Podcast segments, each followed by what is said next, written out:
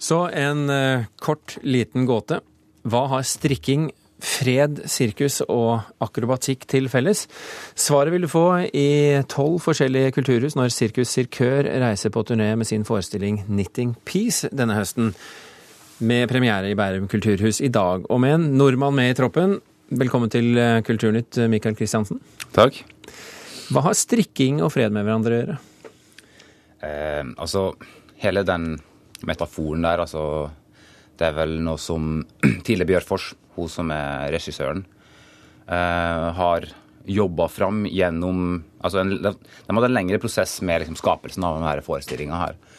Eh, der jeg tror grunnlaget var å begynne å jobbe med altså De begynte å jobbe med tråd og rep og alt som går an å gjøre med det. Bare sånn rent praktisk og um, eh, fysisk. Altså eh, hva for noen former for um, strukturer videre du kan skape med det. Og som er, liksom, utgjør mye av, av um, det som skjer på scenen, og rigging og så videre i forestillinga. Eh, Tilde har jo, hun er jo liksom fascinert av, uh, av paradokser og, og uh, lignende sånne her, metaforer og sånt. Så jeg tror det her knitting peace-greia um, var noe som kom ut av liksom, hennes fascinasjon for det. Vi er, vi er, vant til å se eh, folk på balanseline, og vi er vant til å se etter hvert også folk som, som akro, driver med akrobatiske øvelser i sånne skjerf som henger mm. ned. Men dette her er veldig mye tau. Mm. Um, ja, det er det. Og det er vel egentlig hele poenget. Å prøve å skape altså sånn her, det, det, å binde seg til et konsept og, og kjøre med det. Og det er egentlig noe som kjennetegner egentlig moderne sirkus. Altså samtidssirkus, som vi i miljøet liker å kalle det. Vi, vi, snakker jo om akrobatikk her, selvfølgelig. Og, dere, og det er jo balanser, og det er baller, og det er som sagt ekstremt mye tau. Men da dere øvde inn dette her, ble, var det Satte, satte dere fast og rotet dere og viklet dere inn veldig mye? fremdeles. Ja, det gjør det fremdeles, ja. Ja, ja, det skjer hele tida. Plutselig så skal det noe som skal inn på scenen, og så kommer vi ikke inn på scenen for at oi, den ble hekta fast sånn. Og da er det bare å fake det og late som at det skal være sånn, og så prøve å løse det på en eller annen måte. Så det Så dere er blitt vant til å improvisere? Ja, jo, men det, det må en være. Fordi altså, en, en jobber med såpass eh, altså presisjon som kreves for at alt skal gå helt perfekt. Eh, altså Så klart, vi, vi, strever etter det. Og det, altså, det å streve etter er noe som er liksom, noe av konseptet i forestillinga. Mm. Så klart. Men, men altså, en, en håndterer det, liksom. En, uh, når noen ting skjer, så, så, gjør en det som må til for at uh, show must gå an. Er det lang vei fra guttungen fra Røros til sirkussuksessen Sirkør? Ja. Det vil jeg si. Um, um, altså, det, det, er vanskelig for meg akkurat nå, når, hvis, hvis, jeg ser på det liksom, i retrospekt og ser tilbake, så kjennes det egentlig ut som det eneste som kunne skje. Altså, altså jeg skulle bli sprø om jeg, om jeg var nødt til å holde på med noe annet. Um, jeg har alltid vært interessert i liksom Jeg har alltid vært generelt fascinert av, av ekstreme ting. og ting som tar veldig lang tid. uh, å lære seg, f.eks. Um, um, men når jeg var liten, f.eks., altså, eneste jeg holdt på med da, var TV-spill. Så jeg var liksom den, den, personen i klassen min som var omtrent fysisk dårligst form. Og alle andre klarte det, og jeg hadde liksom skapt meg en identitet med at nei, jeg kan ikke sånn. Og så hadde vi noen turntimer, og så fikk jeg høre at nei, det er ikke alle som klarer det der. Uh, og da tenkte jeg at ja, jeg var jo en av dem. Men uh, så begynte jeg med karate når jeg var 14-15, og der fikk jo en annen, et perspektiv. Der var ja, du eh, kan ikke her, men det er bare å gjøre 10 000 ganger, så blir det bra.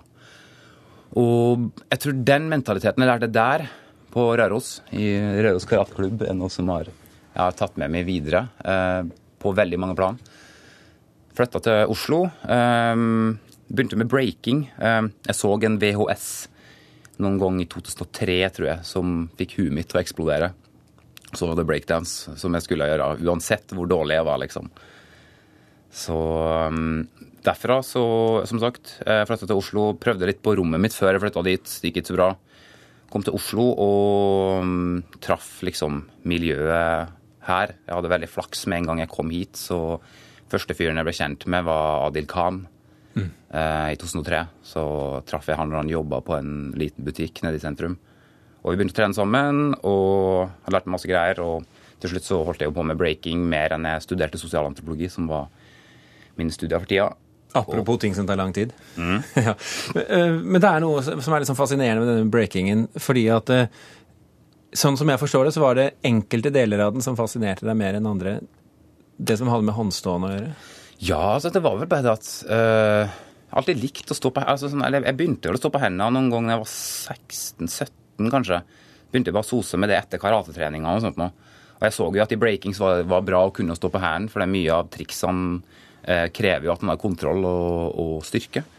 Um, og jeg gjorde mye håndstående moves og sånt der i breaking. Um, men um, så traff jeg på en, en håndstående artist fra USA, en som heter Corey Tabino som var her og spilte noen forestillinger og underviste litt. Da jobba jeg på Bjerke kulturhus. Underviste litt breaking og underviste litt sånn her veldig grunnleggende akrobatikk for unger. Eh, men kunne veldig lite liksom, om åssen det egentlig fungerer. Og han begynte å undervise oss, kjørte tre timer om dagen. Eh, ja, Seks til sju dager i uka. Det var i 2008. Dro han tilbake til USA, og da tenkte jeg at ok, jeg må det her funker, det her liker jeg å gjøre. Og eh, skal en gjøre, skal en gjøre rett, så ikke noe kompromiss. Så jeg bestemte meg for å søke sirkusskole, og da søkte jeg Dans- og sirkushøgskolen i Stockholm. Og så har du altså rett og slett blitt en slags spesialist i håndstående?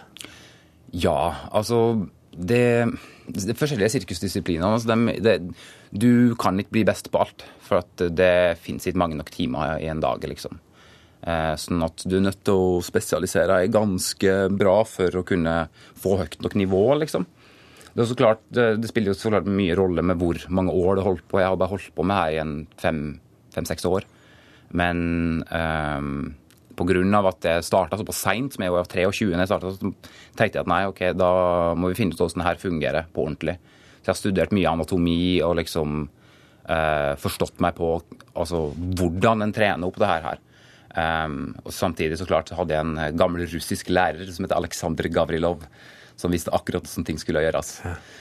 Men det, det, virker på meg, Når jeg ser videoer av deg på, på, internett, så virker det på meg som det er veldig, øh, veldig for, øh, små overganger mellom turn, ballett, øh, sirkus, akrobatikk, sånn som du driver med, i denne formen for akrobatikk, da, med håndstående akrobatikk?